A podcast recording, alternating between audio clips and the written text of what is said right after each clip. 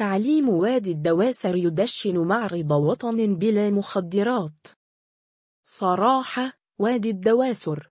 دشن محافظ وادي الدواسر فهد بن عبد الله المسعود. أمس معرض وطن بلا مخدرات.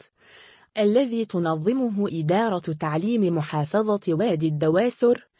بحضور مدير عام التعليم بمنطقة الرياض الدكتور حسن بن محسن خرمي.